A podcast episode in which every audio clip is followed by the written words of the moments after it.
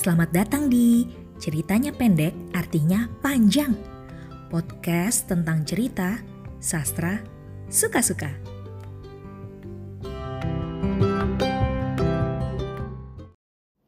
Hai Masih di bulan Mei 2019 dan masih di bulan Ramadan 1440 Hijriah. Berarti masih di bulannya ulang tahun aku. Uh, Senang banget kemarin uh, aku dapat hadiah dari teman-teman departemen bahasa um, tempatku bekerja. Uh, ada Miss Heni, Bu Deta, Pak Bro Royce, dan Tian. Mereka memberikan hadiah buatku. Hadiah paling istimewa untuk ulang tahun adalah buku. Yay!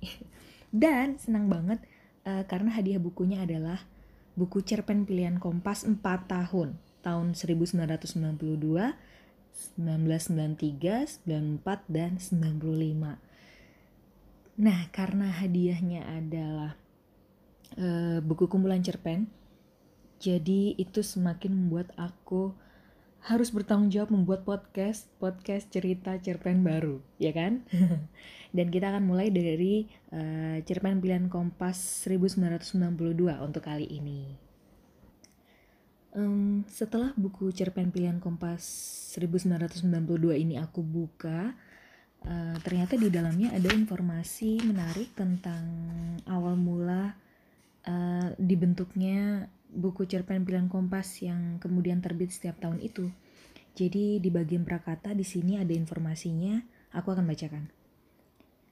Suatu hari di penghujung bulan Maret 1992, Des Kebudayaan Kompas mengadakan buka puasa bersama dengan para seniman yang tinggal di Jakarta. Kebiasaan ini berawal tahun sebelumnya yang tampaknya akan menjadi tradisi.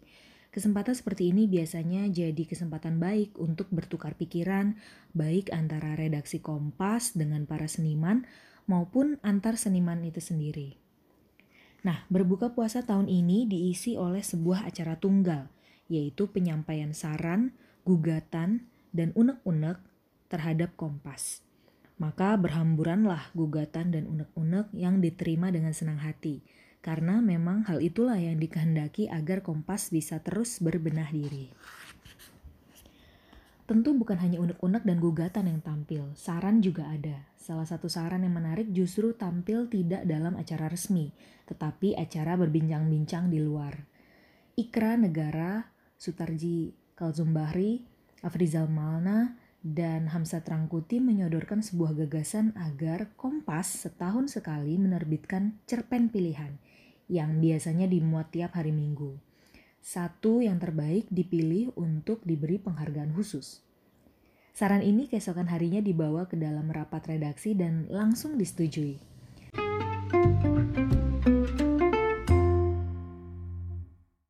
Jadi cerpen pilihan Kompas itu mulai ada pertama kali tahun 1992. Nah, cerpen pilihan Kompas 1992 ini uh, bagian sampulnya itu uh, diambil dari judul cerpen yang ada di dalamnya yaitu Kado Istimewa karya Jujur Prananto. Di dalamnya sendiri ada 15 cerpen menurut Subagio Sastrowardoyo di bagian prakata dikatakan di sini uh, eh, 13 cerpen itu menguraikan tentang nasib orang-orang dari lapisan bawah kecuali cerpen ngarai dan perempuan itu cantik. Nah, menariknya juga di bagian prakata ini Subagio Sastrowardoyo mengatakan di antara uh, eh, 15 cerpen itu uh, dua yang paling bagus menurut dia adalah cerpen Petaka Kampar, dan cerpen Nurjanah, karya Jujur Penanto. Itu dianggap paling bagus karena sentuhan realismenya yang menyayat dan mengharukan. Dari pilihan juri yang menjadi pemenang gitu ya, itu adalah kado istimewa. Sementara menurut Subagio justru yang menarik adalah cerpen Nurjana. Dan dua-duanya itu adalah karya Jujur Prananto. Hmm, Kali ini saya akan bacakan dua-duanya kali ya. Jadi yang pertama saya akan bacakan cerpen kado istimewa dulu. Lalu kita lihat seperti apa isinya. Dan setelah itu saya akan bacakan cerpen Nurjana. Dua-duanya dari karya Jujur Prananto. Baik, kita mulai.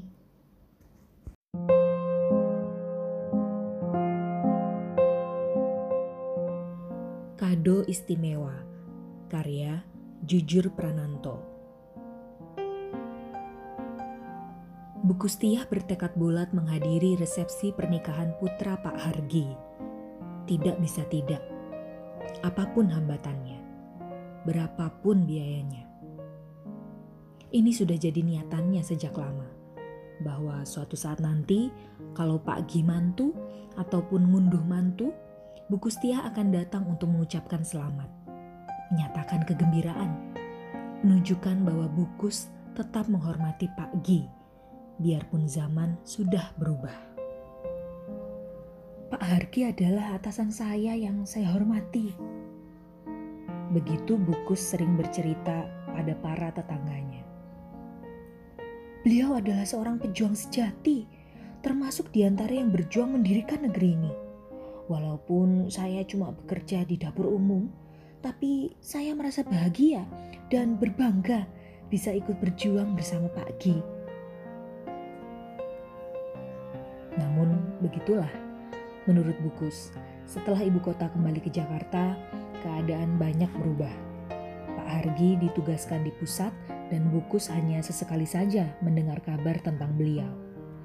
Waktu terus berlalu tanpa ada komunikasi. Kekacauan menjelang dan sesudah Gestapo serasa makin merenggangkan jarak kalasan Jakarta. Lalu Tumbangnya rezim Orla dan bangkitnya Orde Baru mengukuhkan peran Pak Gi di lingkungan pemerintahan pusat. Dan ini berarti makin tertutupnya kemungkinan komunikasi langsung antara Bukus dengan Pak Gi. Tetapi bukan berarti Bukus merasa jauh dengan Pak Gi. Sebab, dalam istilah Bukus, kesamaan cita-cita merupakan pengikat hubungan yang tak terputuskan Soal cita-cita ini, dulu kami sering mengobrolkannya bersama para gerilyawan lain. Demikian kenang Bukus. Dan pada kesempatan seperti itu, pada saat orang-orang lain memimpikan betapa indahnya kalau kemenangan berhasil tercapai, Pak Ki sering menekankan bahwa yang tak kalah penting dari perjuangan menentang kembalinya Belanda adalah perjuangan melawan kemiskinan dan kebodohan. Tapi bagaimanapun, meski Bukus tetap merasa selalu dekat dengan Pak Gi, ternyata setelah 30 tahun lebih tak berjumpa, timbul jugalah kerinduan untuk bernostalgia dan bertatap muka secara langsung dengan beliau. Itulah maka ketika ia mendengar kabar bahwa Pak Gi akan menikahkan anaknya, Bukus merasa inilah kesempatan yang sangat tepat untuk berjumpa. Lewat tengah hari selesai makan siang, buku sudah tak betah lagi tinggal di rumah.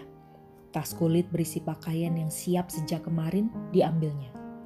Juga sebuah tas plastik besar berisi segala macam oleh-oleh untuk para cucu di Jakarta. Rasa beres dengan segala tetek bengek ini, Bukus pun menyuruh pembantu perempuannya memanggilkan dokar untuk membawanya ke stasiun kereta. Belum ada pukul tiga, Bukus sudah duduk di peron stasiun, padahal kereta ekonomi jurusan Jakarta baru berangkat pukul 6 sore nanti. Ketergesa-gesaannya meninggalkan rumah akhirnya malah membuatnya bertambah gelisah. Rasanya ingin secepatnya ia sampai di Jakarta dan bersalam-salaman dengan Pak Gi. Berbincang-bincang tentang masa lalu, tentang kenangan-kenangan manis di dapur umum, tentang nasi yang terpaksa dihidangkan setengah matang, tentang kurir ngatimin yang pintar menyamar, tentang Nyai Kemuning, penghuni tangsi pengisi mimpi-mimpi para bujangan. Begitu banyaknya cerita-cerita lucu yang rasanya tak akan terlupakan biarpun terlibas oleh berputarnya roda zaman.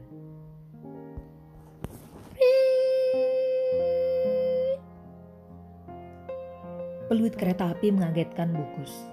Ia langsung berdiri dan tergopoh-gopoh naik ke atas gerbong. Nanti saja bu, baru mau dilangsir. Tapi buku sudah terlanjur berdiri di bordes. Pokoknya sampai Jakarta. Nomor tempat duduknya belum diatur, Bu. Pokoknya punya karcis. Dan memang, setelah melalui ketergelisahan yang teramat sangat panjang, akhirnya buku sampai juga di Jakarta. Wawu, anak perempuannya, kaget setengah mati melihat pagi-pagi ibunya muncul di muka rumahnya setelah turun dari taksi sendirian. Ibu ini nekat. Kenapa tidak kasih kabar dulu? Di telegram kan saya bilang mau datang. Tapi tanggal pastinya ibu tidak menyebut. Yang penting sudah sampai sini. Bukan begitu, Bu. Kalau kita tahu persis kan bisa jemput ibu di stasiun. Shh, saya tidak mau merepotkan. Lagi pula saya sudah keburu takut bakal ketinggalan resepsi mantunya Pak Gi Salahmu juga, tanggal persisnya tidak kamu sebut di surat. Ya Tuhan, ibu mau datang ke resepsi itu. Loh, kamu sendiri yang bercerita Pak Gi mau mantu. Kenapa ibu tidak mengatakannya di surat? Apa-apa kok mesti laporan? Bukan begitu, Bu. Wawu sedikit ragu melanjutkan ucapannya. Hmm, ibu kan tidak diundang. Loh, kalau tidak pakai undangan apa ya lalu ditolak? Ya tidak, tapi siapa tahu nanti ada pembagian tempat, mana yang VIP, mana yang biasa. Halah, kayak nonton wayang orang saja, pakai VIP-VIPan segala. Tapi yang jelas saya sendiri juga tidak tahu resepsinya itu persisnya diadakan di mana, hari apa, jam berapa. Saya tahu rencana perkawinan itu juga cuma dengar dari Mas Toto saja, Bu. Wong Mas Toto juga cuma dengar omongan kiri kanan. Suamimu itu kan sekantor sama Pak Ki. Masa tidak diundang? Bukan satu kantor, Bu.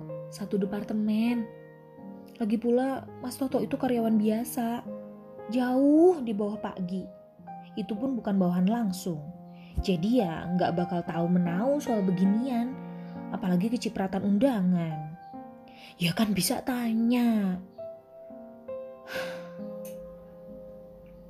Wawu menghembuskan napasnya agak keras. Ingat, Wu, Bukus bicara dengan nada dalam. Aku jauh-jauh datang ke Jakarta ini. Yang penting adalah datang pada resepsi pernikahan putra Pak Hargi. Lain tidak. Mencari informasi tentang tempat dan waktu penyelenggaraan resepsi tersebut ternyata sama sekali bukan pekerjaan sulit bagi suami Wawu. Pak Hargi adalah seorang pejabat eselon 1 pada pos yang sangat penting Sedemikian penting jabatan itu hingga ibarat kata beliau terkena gejala flu saja, baru gejalanya saja, rasa-rasanya seluruh departemen bakal tahu. Itulah maka dengan gampang suami Wawu bisa memperoleh keterangan lengkap, termasuk kopi undangan resepsi pernikahan tersebut. Acaranya besok jam 7 malam di Puri Agung Hotel Sahid Jaya. Astagfirullah, di hotel? Iya bu. Bukan di gedung. Di hotel itu ada fasilitas ruang resepsi bu. Oh. Eh, barangkali loh. Soalnya saya sendiri belum pernah masuk. Tapi nak Toto tahu hotel itu di mana? Oh, tahu bu. Tengah malam giliran Wawu yang tak bisa tidur. Dalam dirinya berkecamuk berbagai perasaan yang tidak keruang. Ingin sekali ia melarang ibunya datang, tapi sungguh tidak ada alasan untuk itu. Tak mungkin ia mengatakan, "Kenapa harus mendatangi pestanya orang yang bisa jadi telah melupakan kita?" Atau, "Mereka toh tidak mengharapkan kita datang." Atau alasan-alasan lain yang salah-salah justru akan berbalik melipatkan semangat ibunya untuk datang hanya demi membuktikan pendapat kamu itu salah, Wo. Di sisi lain, Wabuk sendiri juga merasa sangat berdosa. Kenapa dalam dirinya bisa timbul rasa malu pada ibunya sendiri. Ya, dari mana munculnya perasaan jahat itu? Padahal sesungguhnya ia sangat menghormati ibunya. Sangat menghormati kesederhanaannya, idealismenya, sikap moralnya. Kenapa rasa hormatnya pada nilai-nilai itu begitu gampang gentar hanya karena ibunya akan hadir di sebuah pesta di hotel berbintang lima? Wawu bangkit dari pembaringannya, pelan masuk ke kamar ibunya. Kosong. Pandangan Wawu lalu bertumpu pada tas kulit ibunya di pembaringan. Tas itu dibukanya. Kain kebaya di dalamnya ia kenal betul sebagai pakaian ibunya lima atau enam tahun yang lalu. Wawu ingat ketika ia pernah ingin membelikan pakaian yang sedikit lebih bagus, ibunya menolak dengan alasan yang tak jelas. Juga selop hitam itu yang bahkan solnya sudah ditambal entah untuk keberapa kalinya. Kelompiang. Mendadak terdengar panci jatuh. Wawuk bergegas ke dapur. Perasaan Wawuk makin bergolak melihat ibunya sibuk memasak.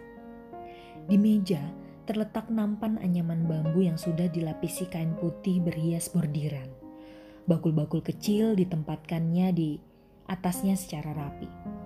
Di atas kompor yang menyala terletak dandang yang mengepulkan uap tebal. Masak apa, Bu? Tiwul. Tiwul gaplek. Buat apa? Berhari-hari saya mencari kado yang tepat untuk putranya Pak Ki. Sesuatu yang khusus, yang istimewa, dan terpenting yang bermakna. Baru kemarin saya menemukan pilihan yang tepat. Kenapa bukan makanan zaman perjuangan? melihat kado yang isinya lain dari yang lain ini nanti tentulah putra Pak Gi akan bertanya pada bapaknya. Pak Gi pasti akan terkesan sekali dan menerangkan panjang lebar makna makanan ini dalam masa perjuangan. Paling tidak dengan begitu, putra Pak Ki secara nyata bisa melihat gambaran kenyataan masa lalu yang dijalani oleh ayahnya. Ah, Kado ini nantinya tentu akan menjadi yang paling penting di antara kado-kado lain. Istimewa sekaligus bermakna. Tapi bisa basi kan bu? Kalau aku yang bikin sampai tiga hari juga tahan. Wawu berdiri mematung. Ada sederetan ucapan yang tersekat di mulutnya.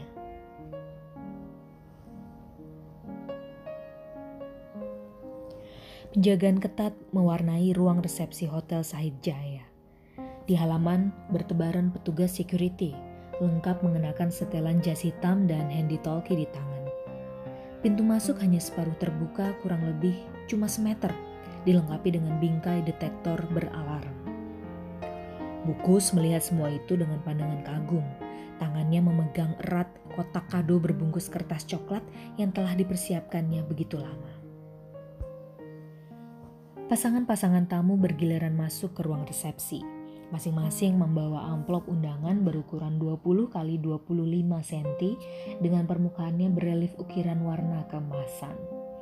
Dengan langkah yang digagah-gagahkan, Toto dan Wawu mengikuti arus para tamu ini, mengawal bukus masuk lebih dulu lewat pintu detektor. Selamat malam, Bu. Selamat malam, selamat malam. Bukus menyerahkan kadonya pada petugas yang cantik-cantik itu. Tolong simpan baik-baik kado saya ini, nak. Menaruhnya jangan sampai terbalik, nanti tumpah semua. Isinya makanan istimewa. Terima kasih Bu, silahkan terus ke dalam tapi mohon jangan mendahului ke pelaminan sebelum rombongan presiden datang. Waduh Yung, Pak Presiden hadir juga. Buku semakin lincah saja memasuki ruang resepsi. Dicake berkali-kali terdengar menyertai kekagumannya melihat ruangan yang teramat indah, besar dan megah ini. Di sana-sini bertebaran meja panjang berisi hidangan makanan dan minuman. Berhiaskan susunan lilin warna-warni dan ukiran-ukiran dari balok es raksasa. Dan nun jauh di dalam sana, di tempat yang agak ketinggian, di pelaminan berwarna keemasan, duduklah sepasang pengantin dan para orang tua masing-masing. Sepanjang jalan menuju ke sana, tergelar permadani merah bertabur kembang melati, yang di kanan kirinya berdiri belasan pemuda-pemudi cantik pagar bagus dan pagar ayu, berseragam sutra kuning berhiaskan juntai-juntai renda merah tua. Namun, Bukus belum merasa lega sebelum bertemu langsung dengan Pak Gi. Dan untuk ini masih diperlukan sejumlah kesabaran lagi. Semua tamu harus menunggu setengah jam lebih sampai hadirnya rombongan presiden. Begitu rombongan presiden datang, bersalam-salaman, berfoto bersama dan meninggalkan gedung, kurang lebih 2000 tamu berebutan antre menuju pelaminan. Di urutan yang ke seribu sekian, Bukus tetap bertahan untuk berdiri tegar dengan perasaan yang kian berdebar. Setelah kurang lebih sejam berdesak-desakan, sampai jugalah Bukus di tempat pelaminan. Perasaannya berbinar dan ia pun berbisik dalam hati mengucapkan syukur pada Yang Maha Kuasa. Dengan tangan gemetar, Bukus mengaturkan salam pada Pak Gi Awet muda Pak Gi, benar-benar awet muda. Selamat ya Pak Gi. Ya, terima kasih, terima kasih. Rupanya Bukus tidak bisa menahan diri. Menubruk tangan Pak Gi, mencium tangan itu dan menangis terisak-isak. Kustiah Pak Gi, saya Kustiah, dapur umum. Pak Gi sempat mengurutkan keningnya tapi kemudian cepat menguasai keadaan. Mengesankan ia sudah terbiasa menghadapi situasi seperti ini. Oh, ya, ya, terima kasih loh. Pos kalasan, Pak. Mas Aris, Mas Dal, Ngatimin, Cebol. Sekarang pada ngumpul di Semarang. Oh, ya, ya, ya, ya. Semua di sana tetap kompak, Pak. Oh, tapi jangan tanya soal Nyai Kemuning loh. Isak tangis bukus berbaur dengan tawa. Ya, ya, ya, ya. Terima kasih banyak loh. Terima kasih. Kapan kita bisa berbincang lebih banyak, Pak Gi? Sesaat Pak Gi kehilangan kata-kata. Bugi, sedikit tegang. Para tamu mulai bergumam karena macetnya antrean. Hmm, kapan-kapan saja ya. Terima kasih atas kedatangannya. Terima kasih kembali, Pak. Sekali lagi saya ucapkan selamat. Ya, ya, ya. Terima kasih. Wah, ini putranya Pak Gi ya. Waduh, persis bapak waktu muda dulu. Selesai menyalami semuanya, Bukus akhirnya meninggalkan pelaminan. Antrean berjalan lagi setelah beberapa saat mengalami kemacetan. Semua lega. Tapi tak ada yang bisa menandingi kelegaan Bukus. Ruang resepsi yang maha indah dan luas itu dirasakannya hangat menyambut kedatangannya.